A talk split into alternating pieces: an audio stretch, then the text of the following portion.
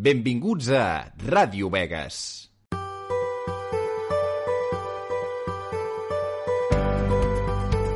Memòries. Records, històries i vivències del Vegas d'ahir.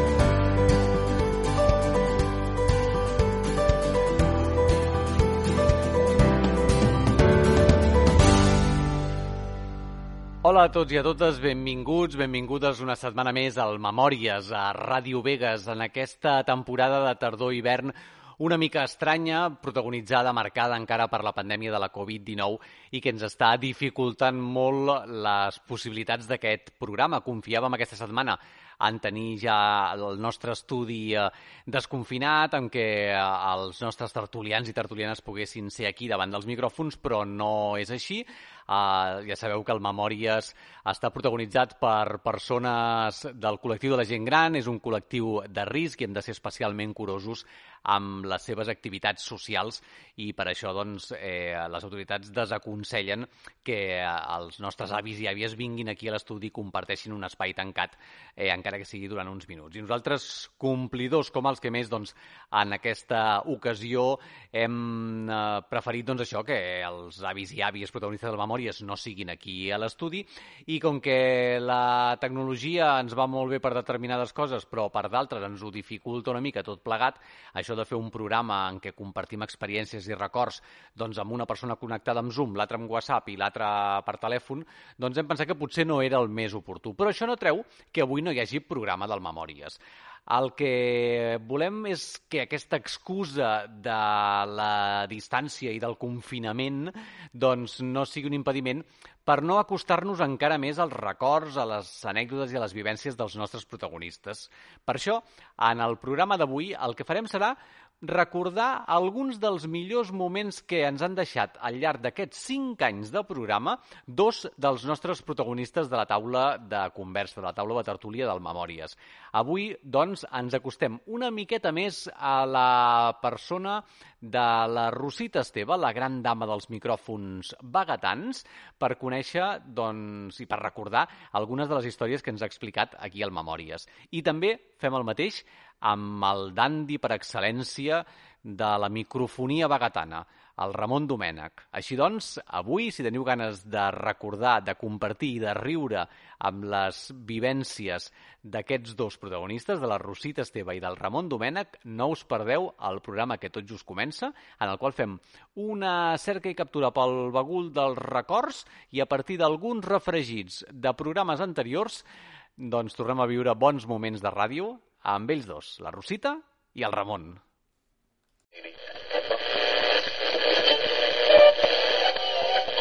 Sí.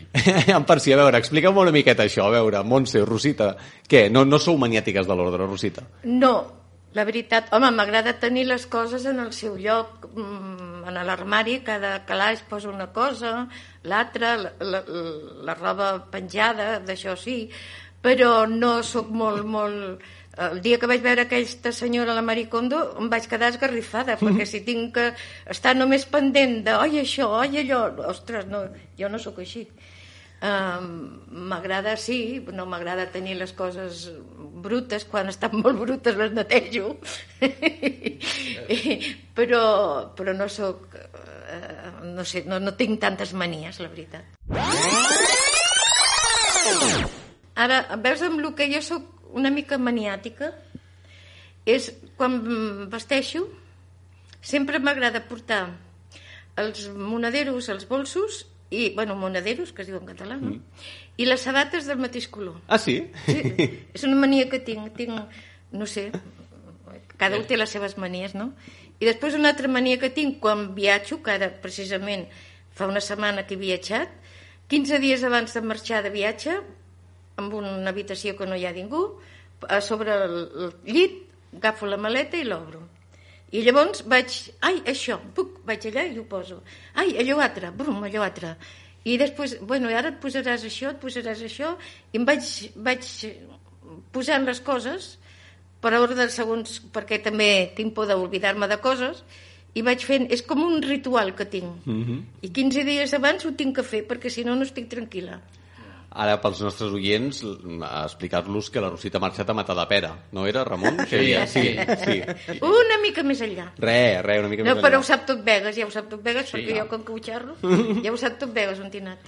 Sí, bueno, ho diré jo. Vinga, No. Va vinga, anar a Bulgària, a Bulgària. capital Sofia. Sí. A comprar búlgaros d'aquest, de, de, dels pastissets. No, no, no, no, no, no, em vaig, no en vam trobar ni un. No? No, perquè pastisseries allà no en vam veure... Podem vam veure, no, no, no sé si en vam veure alguna. Estàs escoltant Ràdio Vegas.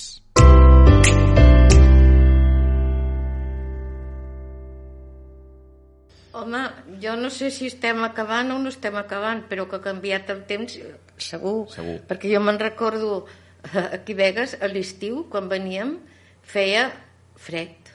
A la nit tenies que dormir amb una manteta, amb una manta. Ara, mm, ni parlar-ne. Després, jo quan ja em vaig quedar a viure aquí a Vegas fixa, eh, tres vegades a, a l'hivern, tres vegades nevava. Hi havia bastanta neu i passàvem bastant de fred, perquè llavors no teníem calefacció a les cases. I, i, i passàvem fred, havia, feia fred, feia molt de fred.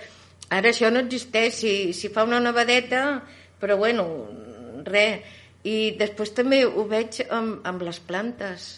Les plantes mm, eh, floreixen, a, a mi quasi m'hem florit. Tinc uns, no, unes d'allò com es diu... Bueno, tinc unes plantes i han estat tot l'hivern traient flors.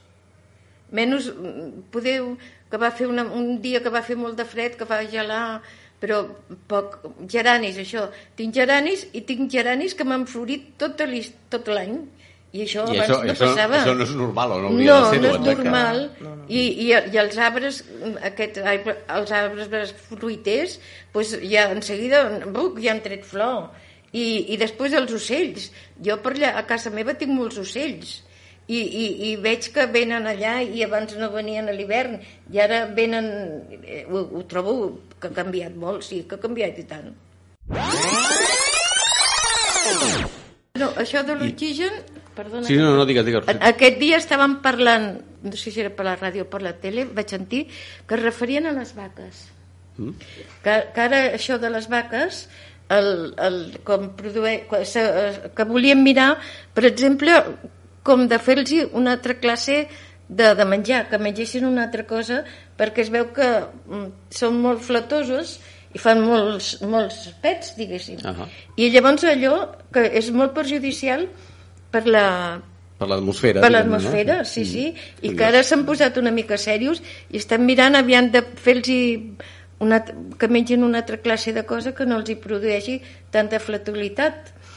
I després també amb, amb els, uri, amb els, Els purins. dels Mhm. porcs, que, que, que aviam, què en fan d'allò? On t'ho posen? Perquè si ho tiren, si ho tiren a- en els rius, en els aigues, llavors també se'n va al mar, també perjudica molt. I estan bastant agobiats amb aquestes coses, eh? Rosita, eh, a tu un gos no t'ha mossegat mai, em sembla, però altres, altres bitxos que hagis hagut de, de prevenir? Un altre bitxo, sí, ja... Um, aviam, una, un esquirol em va mossegar. Un esquirol. Un esquirol, sí. No sé si era esquirol o esquirola. Però la, la mala llet la tenia. I tant, mm, perquè em va fer una mossegada que no em va partir una vena perquè portava una brusa i portava un, un, un puny i em va mossegar per sobre la roba però em vaig quedar quasi bé tot el braç de color blau de, del derrame que vaig tenir i llavors em van posar mm, claro, la de vacuna de la ràbia. No me l'havien posat mai. Uh, mm, abans, bueno, sentia jo quan feien el, que tocava aquella la trompeta que sentia uh, se ha escapado un perro rabioso i la vacuna de la ràbia i bueno, llavors tothom uh, a la millor anaven, si veien un gos uh, i, o els havia mossegat algun gos pues, claro, llavors anaven a posar la vacuna de la ràbia. Però jo crec que les vacunes en particular n'hi ha algunes que jo crec que són necessàries. Perquè abans jo tinc un cas amb un amiguet meu eh, que anava a jugar amb ell. Jo vivia llavors al carrer Pare Claret. Al final quasi bé tocant la el passeig Maragall. Hi havia una casa que era havia una masia, era un, una masia.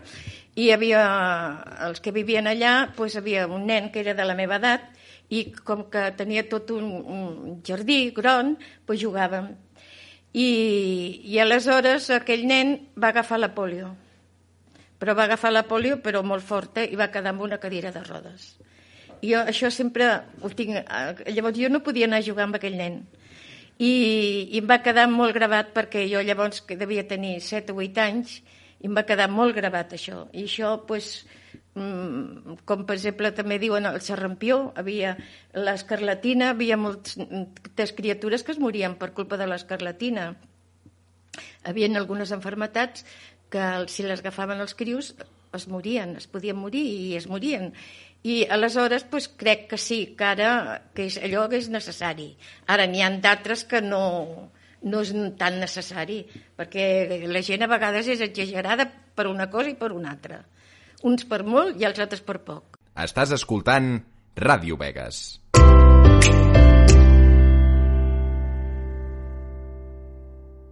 Un cargol, bueno, un cargol de terra. Un cargol de terra sóc in, que no me'l poso a la boca ni, ni que em matin. Ara, un cargol, en canvi, de mar, els cargols de mar m'agraden ah, molt. Home, clar, és Els que... de mar m'entusiasmen, És si m'agraden veritat, molt. clar, el, el marisc i companyia, Sí. doncs... Però els de terra no, no. Prefereixo quedar-me sense menjar mm, que no, que no, que no m'entren. Jo, mira, de petita mm, me'n recordo que estàvem brenejant eh, allà, com es diu, a Garals, Mhm. i el meu tio li agrada molt tenia un tio que li agradava molt el conill però tenia una bogeria pel conill. I ens va dir amb el meu cosí i a mi aneu a tal puesto que us mataran un conill i us el donaran i el porteu cap aquí. Vam anar i no l'havien matat. I el meu cosí, oi, que veurem com maten un conill que veurem, mira vaig agafar un fàstic tan horrorós perquè havien, eh, eh, el van matar allà, el van penjar, el van matar, hi havia els gossos a baix que estaven mm, llepant, bueno, horrible. Vaig agafar un d'això que no he pogut menjar mai, mai el conill. Eh, eh, Soc incapaç de posar-me'l a la boca. No puc... T'imagines aquell moment, Sí, no? sí, sí, em va quedar molt gravat aquí i, i bueno, pot ser molt bo, però jo no, no me'l sí, poso a sí, la boca. sí, és una cosa que es menja. És Poder, si habitual. estigués morta de gana, poder sí que me'l menjaria, no? Però no ho sé. Estàs escoltant Ràdio Vegas.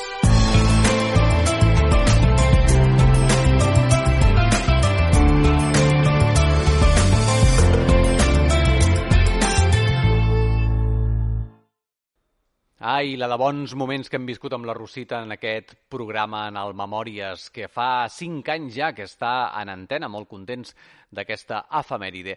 I en aquesta segona part del programa, escolta'm, us ho dèiem abans, un dandi, un cavaller, mm, el Ramon Domènech, què podem dir d'ell que no sàpiga ja tot el poble? Aquest veí de Calvido, protagonista dels propers minuts de ràdio, amb algunes de les històries i de les anècdotes que ha compartit amb tots vosaltres al llarg d'aquests cinc anys de ràdio.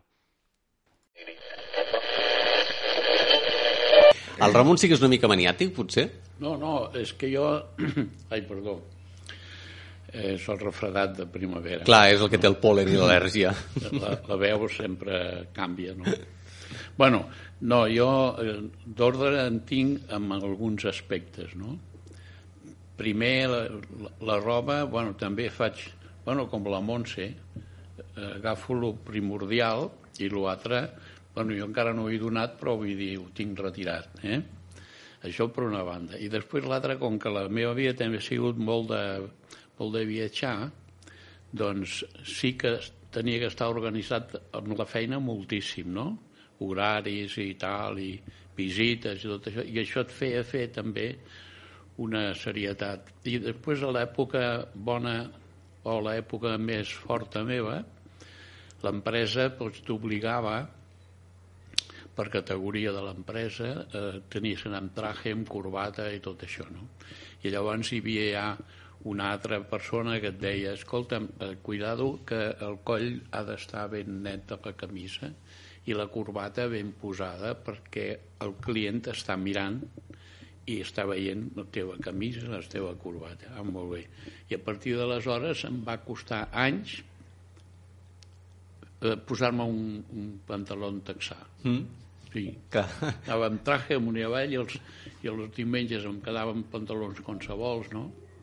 Però bé, ara, tinc, si vinguessis a l'apartament, hi ha una habitació, que és la del meu nano, que està sempre mm, desarreglada, va, per diré així, no?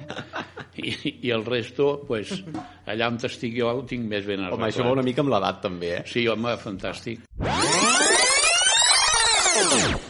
Jo és que ho he vist amb els meus ulls. És a dir, jo recordo anar, per exemple, de València amb cotxe, passar per Gijona o, o per Alcoi, per exemple, anys enrere, i quan arribava allà al port de la Carrasqueta era una fàbula, allò de pins i arbres i de tot. Hi havia un arbre, a dalt de tot hi havia un arbre que des d'allà, mirant avall, veies a uns 40 quilòmetres a Alacant, no? O sigui, veies al final allà. I em feia molta gràcia perquè jo parava allà i tenia l'arbre adequat per fer pipí. Era aquell, era aquell, eh? Era aquell. I procurava anar-hi a la mateixa hora perquè llavors el sol es- s'estava ponent i, i il·luminava el, el mar, una cosa fantàstica. I si no tenies pipi, doncs mira, apretaves i ja és igual, però havies d'anar aquell estava, moment. Ja estava. I aleshores, el que sí me'n recordo, que any darrere any, passant per allà, veia com anava desapareixent el, els pins, això, allò, hi havia molta més i com que he tingut la sort de voltar bastant, realment jo estic espantat. Espantat perquè encara aquest dia vaig sentir un polític d'aquests bèsties que, que va dir que era mentida. Sí, n'hi ha un que És no que- ho vol reconèixer. Sí, exacte, i té massa poder, potser. Sí, que era mentida, Déu, per favor, per l'amor de Déu. Si només veus tot, tot com s'està desfent, o sigui, no, no ho entenc. Si després d'aquesta quantitat, milions i milions de cotxes, mm -hmm. eh? o sigui que ens ha tocat viure l'època de, de, de la xapa que dic jo. Sí, no? sí, Perquè, sí. escolta'm, veus reportatges que és increïble la quantitat que hi ha i encara la, la publicitat constant d'aquest cotxe, aquella marca, eh, perquè la gent jove doncs, vulgui tenir cotxe. Sí. Encara que vaig llegir una notícia que ara els joves no prefereixen jugar. Sí, ara, Sí, ja no, sí. ara, ara no està la moda comprar. No, Sí, a- exacte. ara els lloguen i paguen cada mes un tant i... Sí, sí, una espècie de, li- de leasing, una cosa d'aquestes, no? Sí, O sí, sigui sí, que, sí, sí. Però a mi sempre m'han espantat els cotxes. O sigui, és a dir, jo quan treballava a Barcelona, a la Via Laietana, a la part, a la part de plaça Urquinaona, un dia fa molt de temps, eh, anàvem a travessar i, bueno, la Via Laietana és un, és una via d'aquestes de desahogo, no? perquè allà centenars de cotxes. I me'n recordo que hi havia una mare amb el seu fill dintre del cotxet. A més a més, no ha sentat així, sentat fora, ella era- devia ser més grandet, estava sentat al bordillo mateix de la via Laietana. Mm. Jo estava al costat i veia passar els cotxes que el, el fum dels cotxes el, el, anava a parar amb aquell nano Claro, i ella... Directe, sí, sí. directe i no sabia, i al final li vaig dir miri senyora, perdoni que m'hi posi però aquest nen està ensumant aquí tot el que vulgui més o sigui, vull dir-te, i això fa molts anys o sigui, cada vegada això s'ha anat, anat pujant no? o sigui, jo estic bastant disgustat amb això. Estàs escoltant Ràdio Vegas. O sigui, sóc bastant reaci amb això de- d'insectes. El que sí penso que la solució serà més endavant, no hi ha tan sols els insectes, sinó serà les pastilles aquestes que ja gasten els astronautes. Els astronautes, mhm. Llavors, per dinar serà de color vermell i per sopar de color blau i, i per esmorzar doncs, de color verd, no? I s'ajuntarà amb la pastilla del cintrón, amb la del no sé què i amb la del no sé quantos, tot, no? I llavors tot anirà, tot anirà així, no? Aquí hi ha un restaurant, naturalment, que es diu el Cargolet. Sí, Sí. sí. I llavors jo feia temps que no hi havia anat perquè des d'aquí hi havia altres amos, no? Uh -huh. Bueno, i com que ara hi ha xinesos i tal, jo vaig invitar el meu fill gran, que està a Barcelona, i li agraden tant els cargols que, escolta'm, sempre estaria menjant cargols. Jo dic, vine que et portaré a un lloc a veure què et sembla.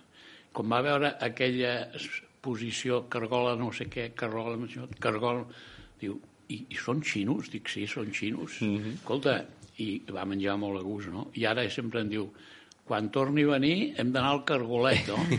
Dic, bueno, però procura venir de dilluns a divendres. Perquè el dissabte i diumenge és molt car.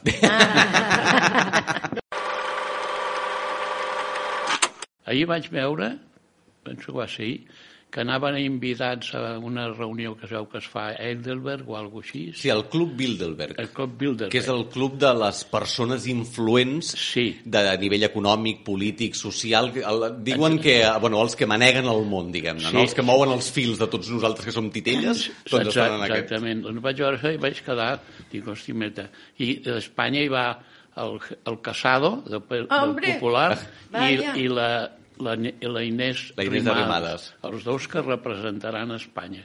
Llavors jo dic, per què, per què no hi anava l'Albert Rivera, que és el que l'apoya tota la part econòmica d'aquest país, no? Hasta la nostra caixa col·labora amb la, amb la promoció d'Albert Rivera, no? Bueno, a Inglaterra, Inglaterra jo penso com la que facin el que vulguin, perquè així se'm anirà bé perquè nosaltres també podrem lluitar. Hi haurà més exemples, no? Tenen, ho tenen difícil perquè llavors es troben que el Regne Unido té altres cultures, es- des d'Irlanda del nord, Irlanda del sud, que tal, però jo crec que arribaran perquè, a part de tot, és, hi ha una diferència molt important. Encara que nosaltres, el Parlament nostre, és més antic que el seu, eh? però és que ells, eh, la seva política ha sigut sempre molt interessant. Han anat de cara també, no han canviat la moneda, dic, no, no, no fa falta, els danesos tampoc. Eh? No, dic, no, nosaltres, bé, Europa, però no. I després, ells han sigut sempre cosins germans dels Estats Units. O sigui, han estat apoyats. Llavors jo penso que bueno, hi haurà molta feina a fer-ho i molta cosa, però que al final, el que deies tu al començament, al final lograran sortir de la Unió Europea perquè la Unió Europea està fallant per molts costats. Estàs escoltant Ràdio Vegas.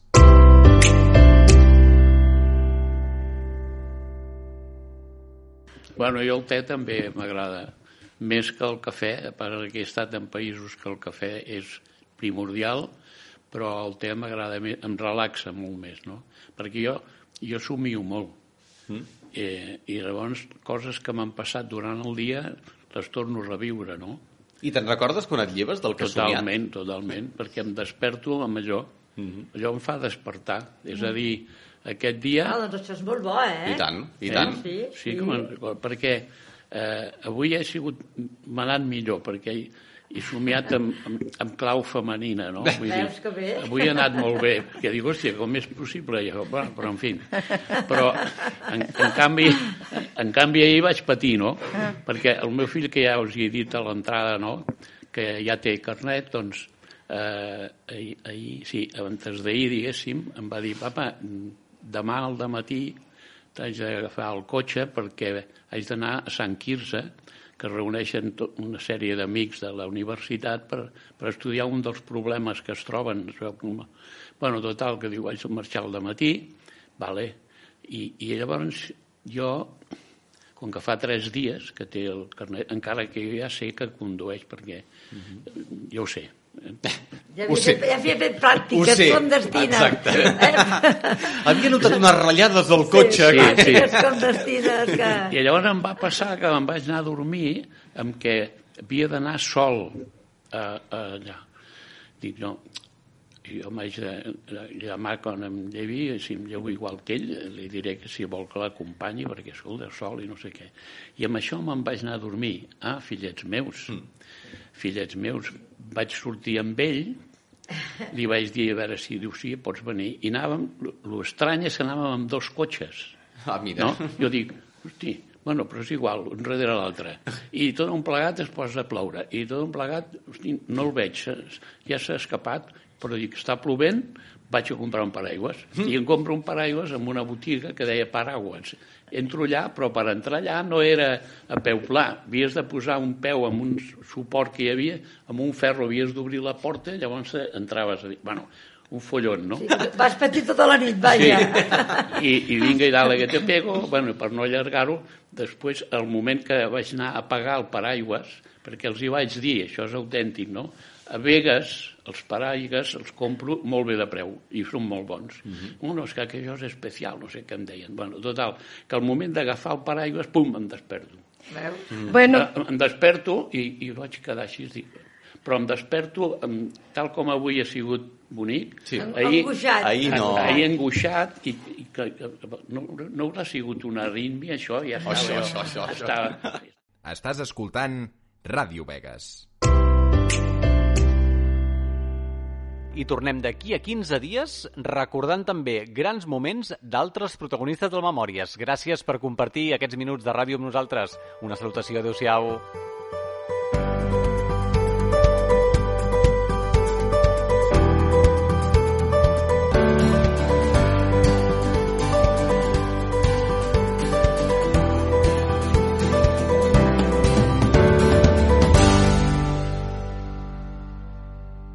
Ràdio Vegas, la veu vegetana.